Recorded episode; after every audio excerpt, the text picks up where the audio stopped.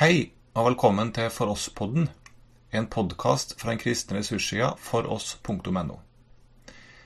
Denne episoden er opptak fra bibelkurs på Fjellheim kurs- og misjonssenter fra mars 2020. Nå har dere fått eh, et par nye ark, som dere ser. Og jeg skal kommentere kort bare den, dette her eh, om hva sier Bibelen så må du snu arket om homofili. Eh, det er Hvis det er noen ikke har fått det, så må du si fra. Det er et, en kopi fra et blad som ble gitt ut i 2003. Det er jo en del år siden, men det som står i bladet, er fortsatt veldig aktuelt. Og dette er da det som handler om de fem bibeltekstene som er mest benyttet, i, eller seks er det vel egentlig her, omkring denne tematikken om homofili, og som også kan anvendes på andre typer skeiv seksualitet. Og det er uh, veldig nyttig, kortfattet og nyttig, som jeg vil anbefale dere å både spare på og gjerne kopiere og gi til andre. Men så er det en del av dere som har fått det står øverst, mens andre ikke har fått det. Og de som ikke har fått at det står hvor det er hentet fra. Dere bør skrive det på. Dere som ikke har fått det over tittelen på første side, så skal, kan det stå kilde. Og Det er altså bladet 'Homofili og kristen tro'. Og det ligger det bladet som en PDF-fil på nettet. Så dere kan gå inn og laste ned eller printe ut alle de 16 sidene i det bladet. Det er veldig nyttig. Det er flotte artikler. Det er 25 artikler ca. korte og lange. Altså, dette er jo den aller lengste, selvfølgelig. Og så er det mange som er på en halv side eller mindre. Og det ligger på nettstedet homofili.com. Homofili.com. Det er noen dere har fått, det står øverst. Men dere som ikke har fått det, skriv på homofili.com. Og det er eh, et nettsted som jeg eier. Så hvis dere har tips til noe annet vi kan begynne å legge ut der For vi hadde en del stoff, men så er det gått ut på dato eller fjernet. Men nå ligger det heftet der, dere, eller bladet. Dere finner det med det samme. Det er kun den det som kommer fram på det neste stedet. Så dette er bare til studium og, og, hjelp til hver av dere. Så fikk dere et annet ark, og det var dette om hva visste Paulus om homofili. Og det er uh, veldig interessant kildesamling med sitater fra ulike kjente personer i oldtiden, uh, fra gresk og romersk kultur. Så er det en liten innledning der uh, første rammen øverst til venstre med Paulus, en verdensborger.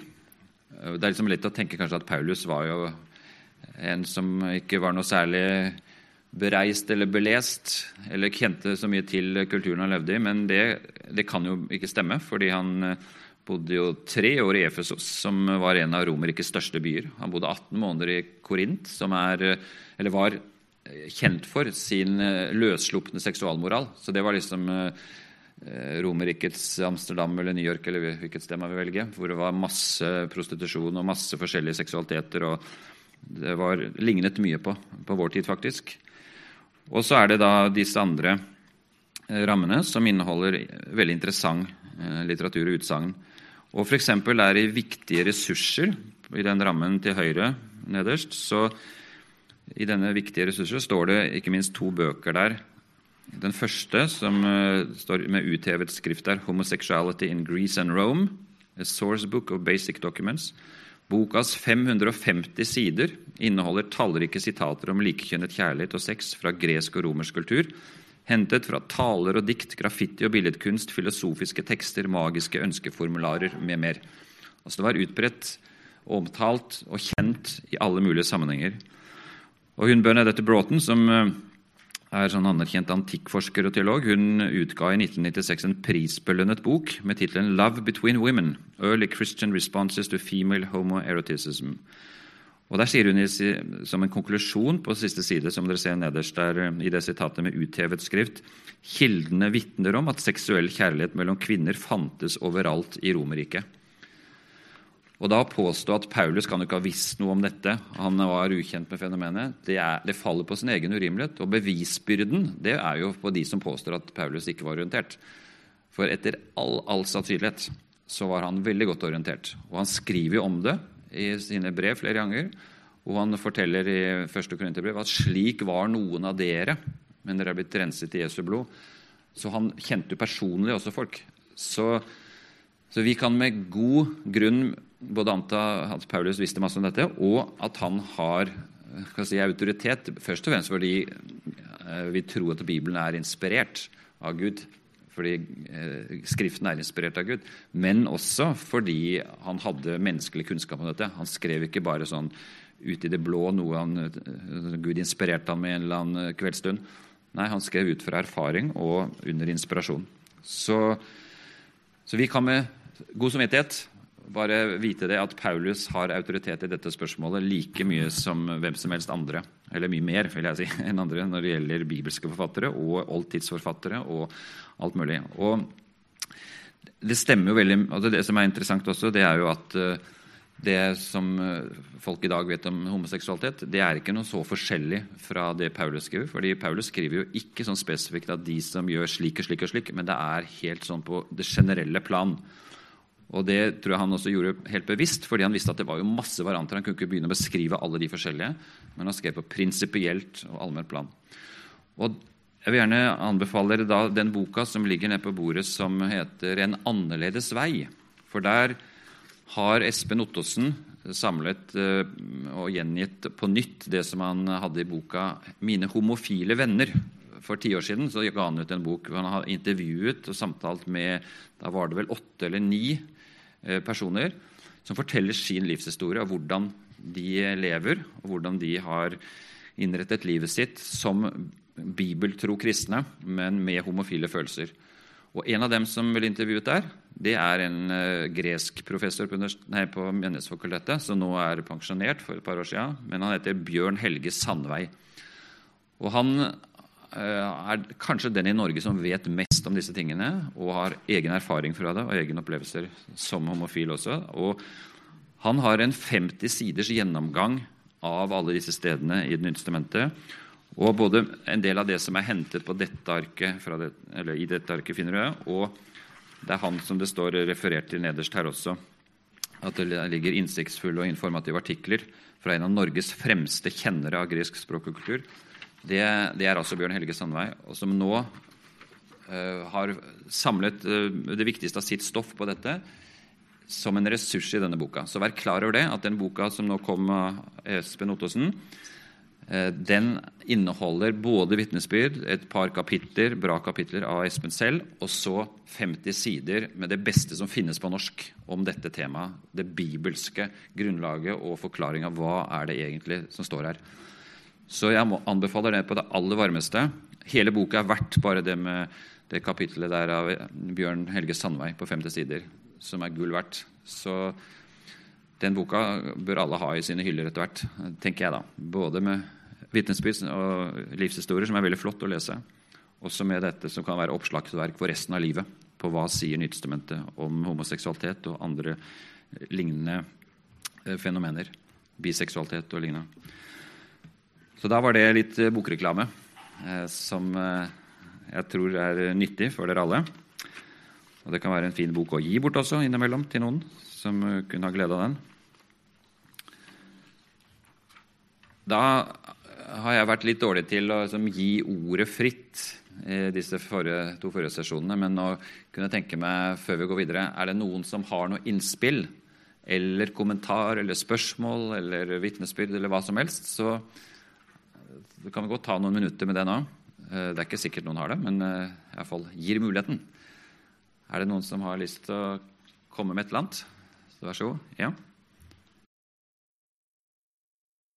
Nei, ikke som jeg vet om. i hvert fall. Altså, de hadde jo ikke de medisinske mulighetene til å manipulere med menneskenaturen, eller menneskekroppen. Så det er jo noen eksempler på noen som foretok seg ting eh, på egen hånd, kan du si. Med, de hadde en medhustru eller noe sånt, Abraham. Det var en som eh, jeg snakket med nå tidligere i dag, og jeg, også mange som spør om det når det gjelder det at det er ekteskapet for én mann og én kvinne.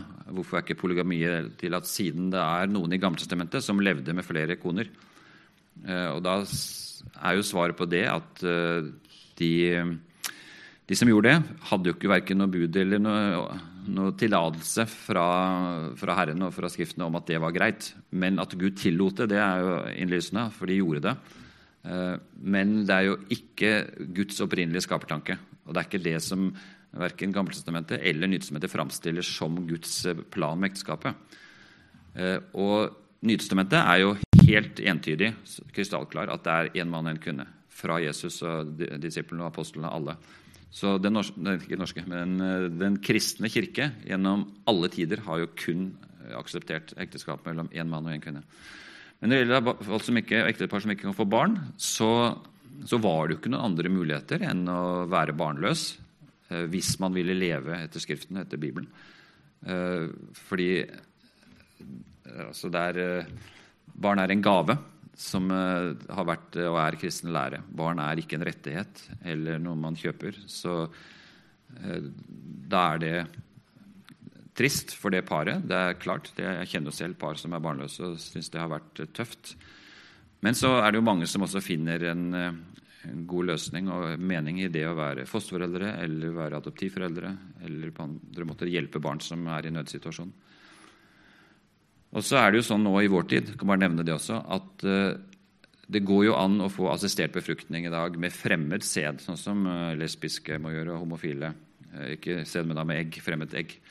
Men det går jo også an for eh, ektepar å få hjelp til å få barn, selv om ikke de får det sånn naturlig fordi det er et eller annet problem, så kan de bruke egen sæd og eget egg og få hjelp ved kunstig befruktning. Og da er det faktisk sånn i dag at med eget egg og egen sæd så er det 97% som da får barn, av de som eh, har problemer med å få barn. Så er, prosenten er jo veldig høy. Det er faktisk bare 3% av de som ønsker seg barn, som ikke får det med eget egg og egen sæd. Og da er det jo ekte foreldre til de barna. Det er deres eget uh, biologiske avkom. Så det var bare en saksopplysning da, som ikke var direkte svar, men som hører til tematikken. Andre innspill eller kommentarer? Vær så god.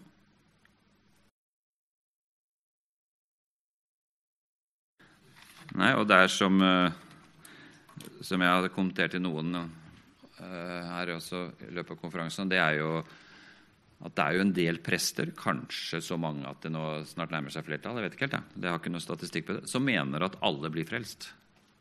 Og hvis du mener at alle blir frelst, fortapelsen finnes ikke, så er det klart at da Hva skal du da sette krav til folk og be dem lide for Jesus skyld? og den slags, Det blir jo egentlig litt meningsløst.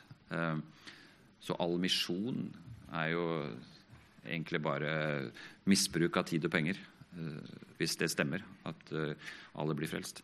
Men det er jo helt sikkert mange flere av våre kristne eh, medsøsken si, rundt omkring. Og spørsmålet er kan de kalle seg kristne hvis de mener at det ikke finnes noen fortapelse. Det, jeg skal ikke dømme noen til å ikke være kristen, men altså, hvordan definerer man en kristen?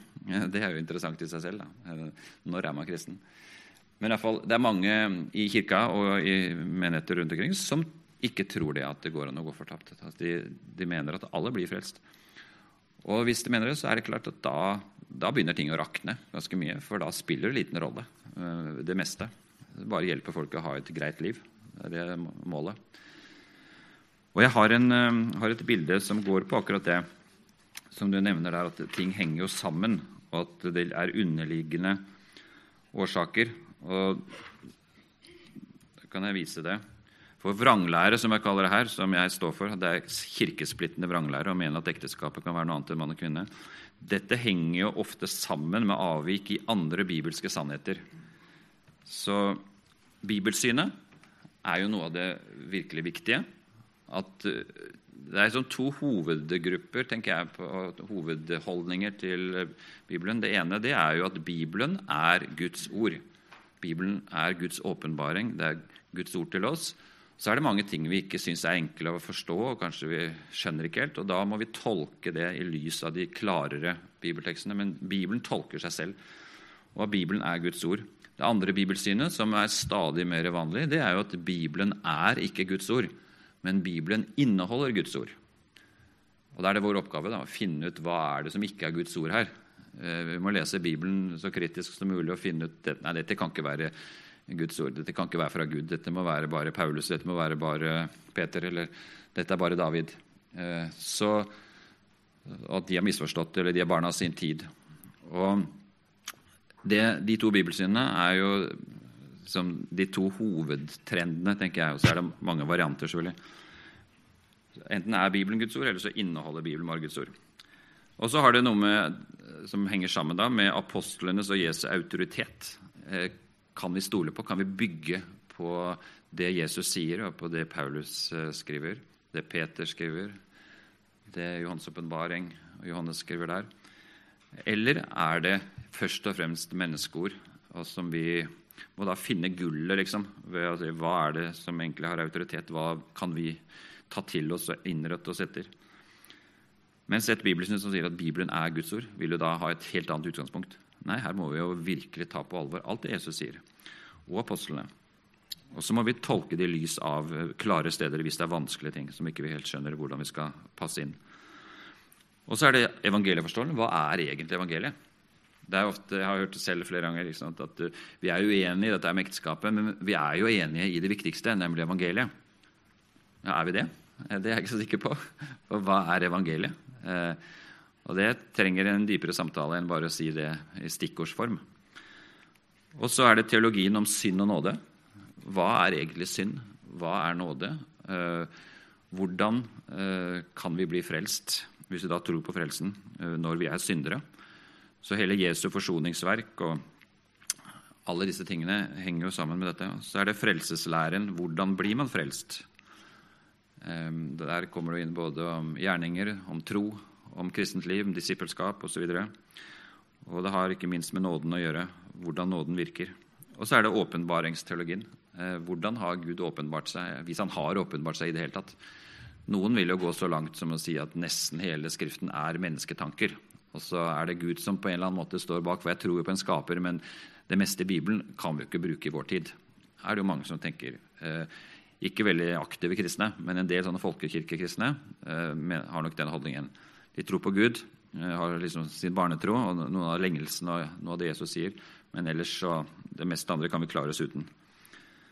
Så det med åpenbaringsteologi, hvordan åpenbarer Gud seg i Bibelen, og eller, også nå i vår tid. Og så er det kirkeforståelsen. Hvem tilhører Jesu Kristi kirke? Eh, hvem tilhører hans folk, Guds folk på jord? Hvem er de? Og Der er det jo, som jeg nevnte i går, også dette som er ganske paradoksalt, at en tredjedel av medlemmene i Norske kirke jo regner seg som ateister. Og Er de del av Kirken da, fordi de en gang er døpt? Eller er de ikke egentlig medlemmer av Kirken sånn åndelig talt når de fornekter Jesu død oppstandelse, når de ikke tror at Gud finnes? Kan de da være del av en kirke? Eh, skapelsesteologien eh, går også ned på grunnvollene i kristen forståelse av hele verden av eh, universet, av alt som eksisterer? Er det bare blitt til av seg selv, en lang utvikling etter et big bang som ingen kan forklare? Hvordan startet det eventuelt, og hvordan ble liv til fra intet? Altså, dette er jo med hele evolusjonsteorien. Eh, og da i kontrast til skapelsesteologien, som tror at det står en intelligent skaper bak som har en vilje og en mening med det som er skapt. Så her henger jo ting sammen, og her går det ikke an å sette ting på en formel. Men dette er elementer som, eh, som er viktig å ta med uh, i også dette med samlivsteologi. For hvis du først uh, begynner å rakne på noen av disse punktene, så er det veldig lett at da, da er jo helt naturlig å si ja også til at ekteskap eksempel, kan for, kan være for to av samme kjønn. Ja, Nei, og det med samboerskap er eh, en av kristenledernes store synder, tenker jeg, de siste 30 åra. At ikke det har vært mye mer framme i undervisning og forkynnelse. Begrunne, forklare, snakke tydelig om dette. Eh, så Det er helt sikkert mange gode unntak, men sånn på generell basis så har det vært veldig taust. Det, det, finnes ikke ett eneste hefte, ett eneste kapittel og bok tror om samboerskap fra kristne forlag de siste åra. Og det er for svakt. Uh, og det som er veldig interessant altså Hvis noen av dere kjenner noen bøker eller eh, noen som anmelder det, så er jeg veldig glad for å vite om det. For jeg, jeg prøver å oppmuntre ungdom i oppdrag. og familiefokus. Ikke på prøve, men de er helt enige. og de, er, de har allerede bestilt et nettsted, en domenenavn, som forhåpentligvis kommer snart i stige. Som skal inneholde ressurser om samboerskap fra kristen vinkel, med hjelp til å skjønne hvorfor samboerskap er en veldig dårlig idé. Og bare ett lite punkt som jeg nevnte for deg under samtalen vår under middagen, det var jo at Eller var det lunsjen? Jeg vet ikke helt, det var middag. Det var at uh, undersøkelser både i Norge, men også i USA og England Jeg har selv en undersøkelse, veldig spennende sak fra England for noen år tilbake, som ble gjort på sånn statistisk grunnlag med store del av befolkningen. Store deler. Og da eh, kom det fram fra helt sekulære forskere at hvis man har vært samboer med den man gifter seg med, så har man 60% større sjanse for å bli skilt enn når man ikke har vært samboer med den man er gift med. Og bare et sånn et faktum motsier jo den myten om at det er en fordel å være samboer først, for da kan du liksom se om du passer sammen. Men det, det, finner du ikke ut i løpet av de første årene der som uh, samboer. Uh, da er du opptatt av så mange andre ting, uh, du, og du dras inn. Det, du, bare, du vokser liksom inn i det uten å ha tatt den der skikkelige, endelige avgjørelsen at dette mennesket vil jeg leve livet sammen med. Dette mennesket ønsker jeg skal være mor eller far til våre barn. Så bare en sånn opplysning kunne jo endre tankene til ganske mange, både unge og eldre. At det er ingen fordel du gjør deg selv en bjørnetjeneste ved å være samboer før du gifter deg. Så Sånne opplysninger og masse annet eh, fornuftig og godt som det er skrevet om på engelsk, og som vi kanskje kan få oversatt litt mer av, det håper vi å få ut på et sånt nettsted. Da. Det er 30 år eh, forsinka, men det er bedre å komme sent i gang enn aldri. Så jeg håper neste gang jeg er her, at jeg kan eh, anbefale et sånt nettsted. Så det gleder jeg meg til. Ja, da tror jeg vi går litt videre, hvis ikke det var noen som eh, brenner inne med et spørsmål eller kommentar, som det heter. Nei, jeg kan ikke se noen hånd eller arm, så da går vi litt videre. Det som er eh, typisk eh, for noen, det er jo at de spiller kjærligheten ut mot budene. Og hvis vi hører det, så må vi bare prøve å fortelle vedkommende at det stemmer jo ikke helt. At budene kan overstyres av kjærligheten. Altså, det er ikke så farlig med budene så lenge det er kjærlighet inne i bildet. Eh, et eksempel det er eh, prosten i Vennesla for et års tid siden. Han skrev en artikkel i Fedrelandsvennen som hadde tittel 'Kjærligheten overstyrer alt'. Altså, så lenge du definerer noe som kjærlighet, så gjør det ikke så mye med budene. Forklarte han liksom at det er kjærlighet som betyr noe. Budene det må vi se på liksom en viss skepsis. og det er, det er, rammeverk, men eh, det er ikke vi bundet av hvis det er kjærligheten som driver oss. Og Da skal jeg først ta litt om at det stemmer jo ikke med Bibelen. i det hele tatt. Også da neste bilde skal vi se litt på at det finnes jo mange typer kjærlighet. Alle Guds bud er uttrykk for hans kjærlighet. Å lage en motsetning mellom kjærligheten og Guds bud er ubibelsk og uholdbart. Jesus sier f.eks.: Hvis dere holder mine bud, blir dere i min kjærlighet, slik jeg har holdt min fars bud og blir i hans kjærlighet. Kjærligheten jo, det er jo kjærligheten som har gitt budene. altså Gud har gitt budene i kjærlighet. Og det vi ser jo her, sant, at uh, Da blir vi i Jesu kjærlighet når vi holder hans bud, sånn som Jesus selv har gjort. Kjennetegnet på at vi elsker Guds barn, sier Johannes i sitt første brev, det er at vi elsker Gud og holder hans bud. Å elske Gud er å holde Hans bud, og Hans bud er ikke tunge. Så det vi må bli kanskje flinkere til både for oss selv, men ikke minst når vi snakker med andre og holder andakter, og sånn også, det er jo at vi må understreke at Guds bud er jo gitt i kjærlighet til vårt beste. Det er jo ikke gitt fordi Gud gjerne vil gjøre livet litt surt for oss og så vanskelig som mulig og kjipt. Nei, tvert imot. Guds bud er gitt i kjærlighet. Og det er det dessverre mange som ikke tror. De tror liksom at Guds bud det er noe som er vanskelig og ekkelt, og som egentlig er eh, best å unngå, eller i hvert fall så mye som mulig. Så får vi strekke oss og prøve å følge budene av og til. Og da må vi bare svare. Det, det stemmer bare ikke. Hvis vi tror at Gud er en god far, Gud er vår gode skaper som vet best, det er han som har manualen, det er han som har instruksjonsboka for livet, så ja, så følger vi Guds bud så mye vi klarer, og vi ber om kraft til å få stadig mer lyst, motivasjon og evne til å følge Guds bud. Og så dette med mange typer kjærlighet. For der er det jo sånne slagord for som at uh, størst av alt er kjærligheten. Det er det som i kristne sammenhenger det som er blitt sitert mest, og også utenfor kristne sammenhenger. Men der er det interessant at på gresk, som jo er Nytestamentets språk, så finnes det fire ord for kjærlighet. Det første det er det som Bibelen bruker mest, altså Nytestamentet. Agape. Guds kjærlighet til oss, hans ufortjente og hans rause kjærlighet til oss. Og så er det også agape når vi gir denne kjærligheten til andre. Guds kjærlighet gjennom oss til andre. Så det å elske våre medmennesker med agapekjærlighet uten egoistiske motiver. Og så er det filia, som er vennskapelig kjærlighet eh, mellom venner, og også eh, man kan si til ting og til eh, ja, til situasjoner.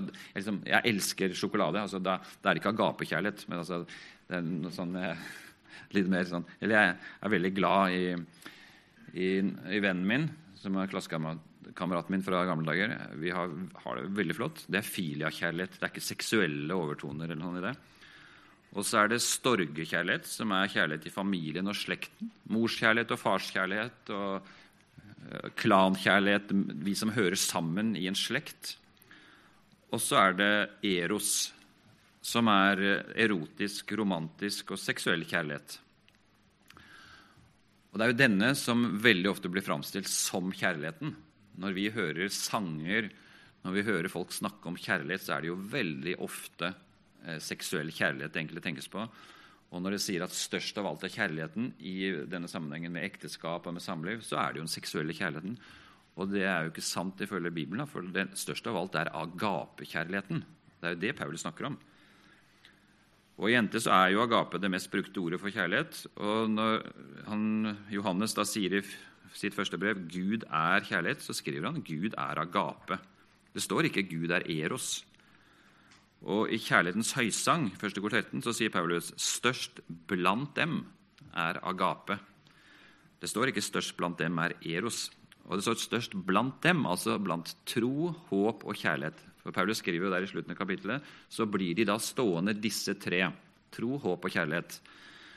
Tro og håp er jo noe som ikke varer utover ja, inn i evigheten, fordi da er ikke tro nødvendig. Da lever vi i beskuelse. Da ser vi, da er alt åpenbart. Og håpet er heller ikke nødvendig, for da er vi kommet fram til det som er håpets mål. Så det er kjærligheten som er størst blant dem. Blant tro, håp og kjærlighet. Så størst av alt er ikke noe bibelsitat. Så det er ikke at dette er så revolusjonerende, men det er veldig nyttig å huske på disse tingene og være klar over at det sitatet 'størst av alt er kjærligheten' for det første ikke er et bibelsitat, og at den kjærligheten som det snakkes om, som det henvises til i et sånt sitat, det er altså agapekjærlighet og ikke eroskjærlighet. Eh, da skal jeg bare se Nå har vi et kvarters tid igjen. Skal bare velge ut noen av de bildene jeg har lyst til å prioritere.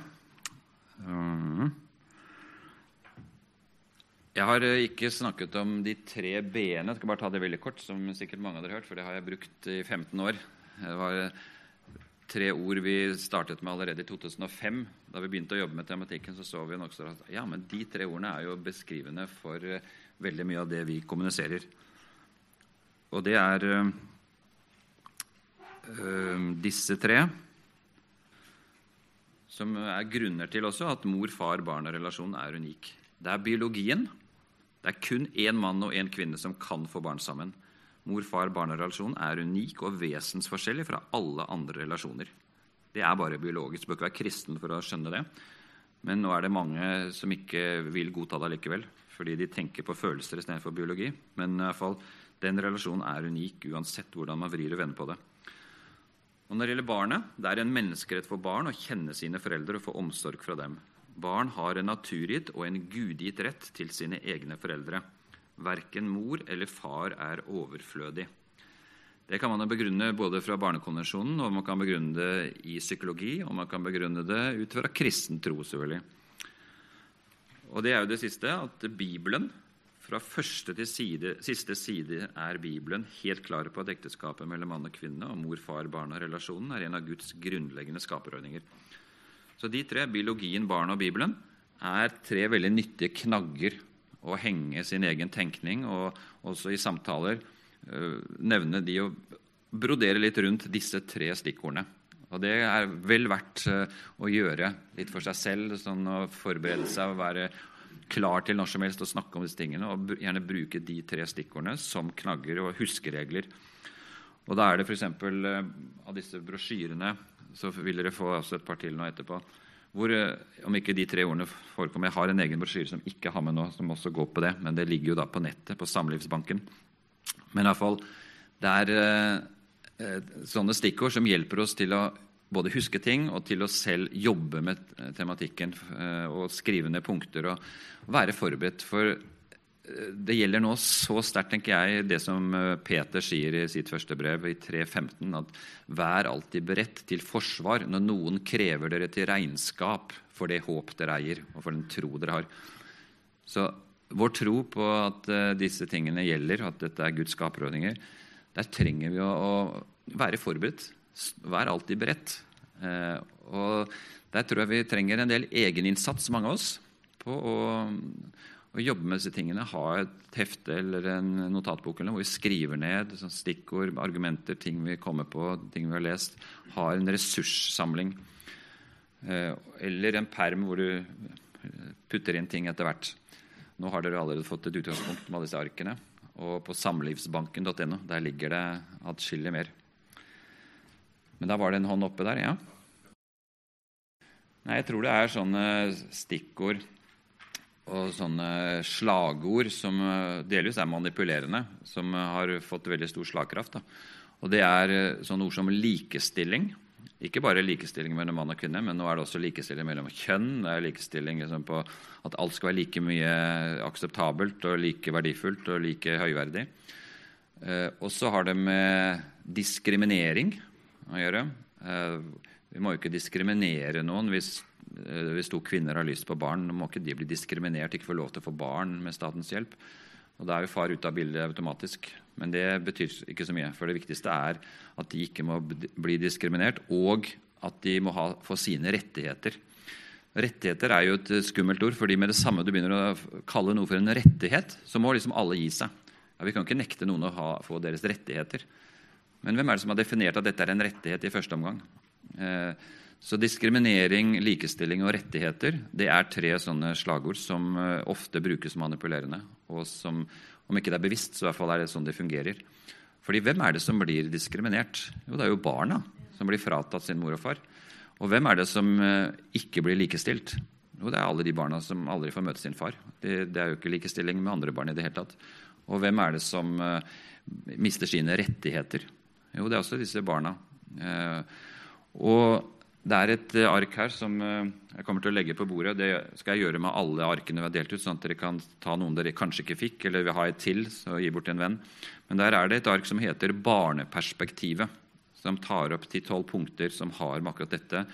For det er et kjempeviktig ord som vi har lagt vekt på helt siden vi startet, og som fortsatt er ja, enda viktigere nå det er barneperspektivet. For det er sånn voksentyranni som driver hele denne kampen. Det er de voksnes krav og rettigheter. Så det er eh, Ja, det er mye her å ta fatt på. Men i fall, dette er eh, tre stikkord som eh, kan være nyttige for oss alle sammen.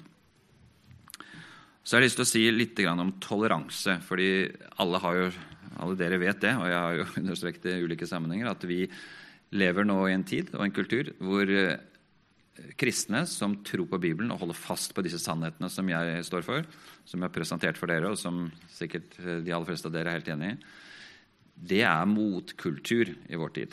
Det er motstrøms. Eh, det er sånn som Espen Ottosen kaller sin bok også i undertittelen, om seksualitet i motstrøm eller noe.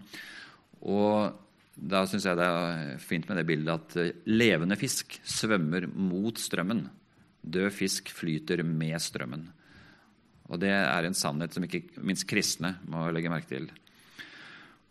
Og da er dette med toleranse et uh, veldig viktig begrep. Fordi toleranse har jo mistet sitt innhold i vår tid i forhold til det det egentlig betyr.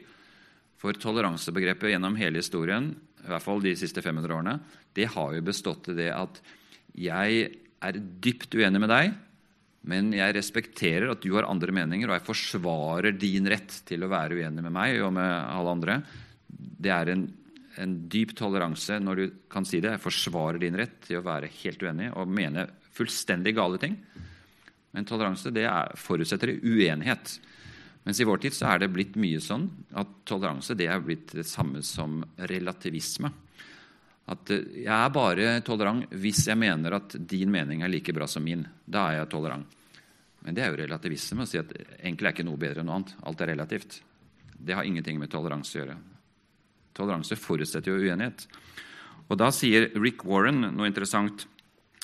Han eh, som er prest i Saddleback i USA, som har skrevet denne boka The Purpose Driven Life, eh, målrettet liv, som eh, jo er vår tids mest solgte kristne bok. tror jeg. Den har vel passert 40 millioner. tror jeg. Og han eh, sier det et sted. Vår kultur har akseptert to store løgner. Den første er denne. Hvis du er uenig i et menneskes livsstil, er det fordi du frykter eller hater dem. Den andre løgnen sier å elske noen betyr at du godtar alt de tror eller gjør. Du må liksom være enig med dem og gi etter hvis du er glad i dem. Begge løgnene er meningsløse. Du behøver ikke å gå på kompromiss med din overbevisning for å være barmhjertig. Og det, Der er det dype sannheter, og det har jo med det til og med som, eh, som Jesus snakket om, å elske sine fiender og virkelig sette andre mennesker høyt, selv om vi kanskje blir snakket ned av dem og vi blir skjelt ut, så skal vi allikevel møte dem og si at vi respekterer deg, vi elsker deg, vi har, ønsker ditt beste uansett. Og det å tro at man må gi etter for å elske noen, eller at eh, jeg hater noen når jeg driver med hate speech fordi jeg proklamerer så høyt jeg kan at ekteskapet er for mann og kvinne, Altså det, er, det, er, blitt sånn snart at du kan ikke si det offentlig at ekteskapet er per definisjon for mann og kvinne. Eh, altså Du kan si det fortsatt, men du, vi kommer til å møte mer og mer eh, anklager om at vi er ondskapsfulle hvis vi mener det. For vi legger tunge byrder på andre mennesker som har valgt annerledes, hvis vi påstår det. Og Da må vi bare gjøre det på så vennlige og milde måter som mulig, men stå klippefast eh, fast, ja, klippe fast på eh, sannheten om det både Guds ord sier, og Bibelen sier, og biologien ja, eh, sier. Og barn, barnets rettigheter. Så da er det et bibelsted til slutt som jeg har lyst til å vise dere. Og det er det som Moses kommer med i 5. Mosebok 13. Der sier eh, Moses.: Herren deres Gud skal dere følge, og ham skal dere frykte. Hans bud skal dere holde, og hans røst skal dere adlyde. Ham skal dere dyrke, og ham skal dere holde fast ved. Det syns jeg er et, en programerklæring for det kristne livet som er eh, flott. I seks korte setninger så er det et livsprogram om eh, hva det vil si å være disippel, å være en, eh, en frelst synder som ønsker virkelig å ha Gud i sentrum, og som lever et teosentrisk liv og ikke et antroposentrisk liv. Altså Teos er Gud, og antropos er menneske. Vi ønsker ikke et selvsentrert, menneskesentrert liv. Vi ønsker et gudsentrert liv hvor Han er i fokus, og han er i sentrum, og det er han som er autoriteten vår. Så det ønsker jeg å være det siste eh, som eh, står på veggen nå i dag. Og Det nye testamentet har jo mange, mange gode både løfter og oppmuntringer, formaninger, som går på hele det kristne livet. Og jeg siterer det verset som jeg vel har nevnt også, men som er mitt livsvers og som jeg synes eh, inneholder så sterke og gode ting for eh, det kristne livet også, som et supplement til det som står på veggen. Og det er det som Jesus sier i Johannes 8, 31-32. Hvis dere blir i mitt ord, er dere virkelig mine disipler. Da skal dere få kjenne sannheten, og sannheten skal gjøre dere fri. Johannes 8, 31 og 32. Det å bli i Guds ord, være kristne som lever med en åpen bibel. Virkelig stadig vende tilbake, lese, bli kjent med. Ikke bare kunne noe om Jesus, men bli kjent med Jesus bedre, mer og mer.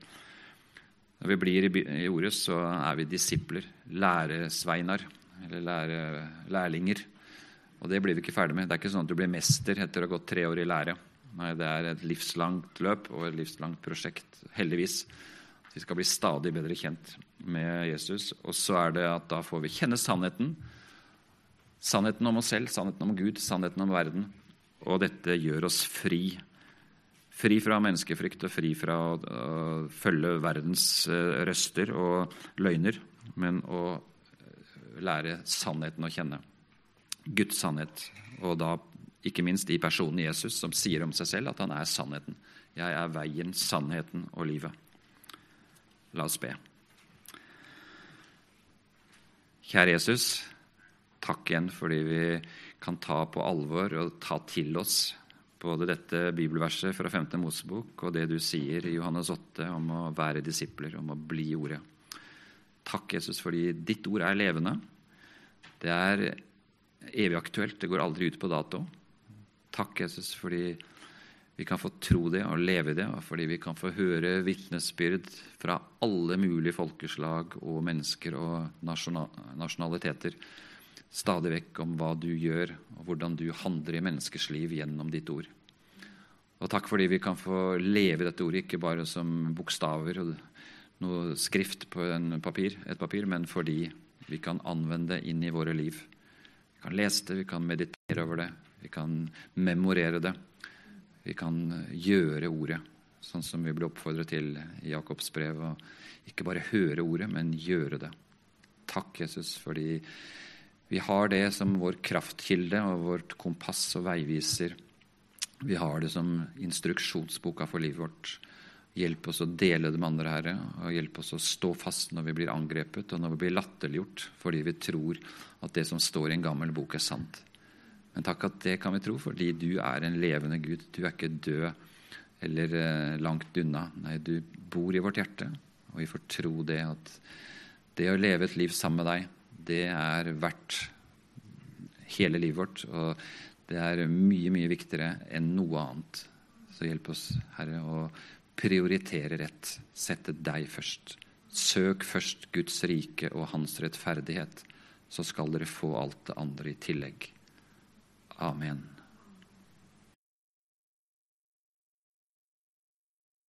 Du har nå hørt opptak fra bibelkurs fra Fjellheim kurs- og misjonssenter. Du finner mange andre opptak med undervisning på foross.no.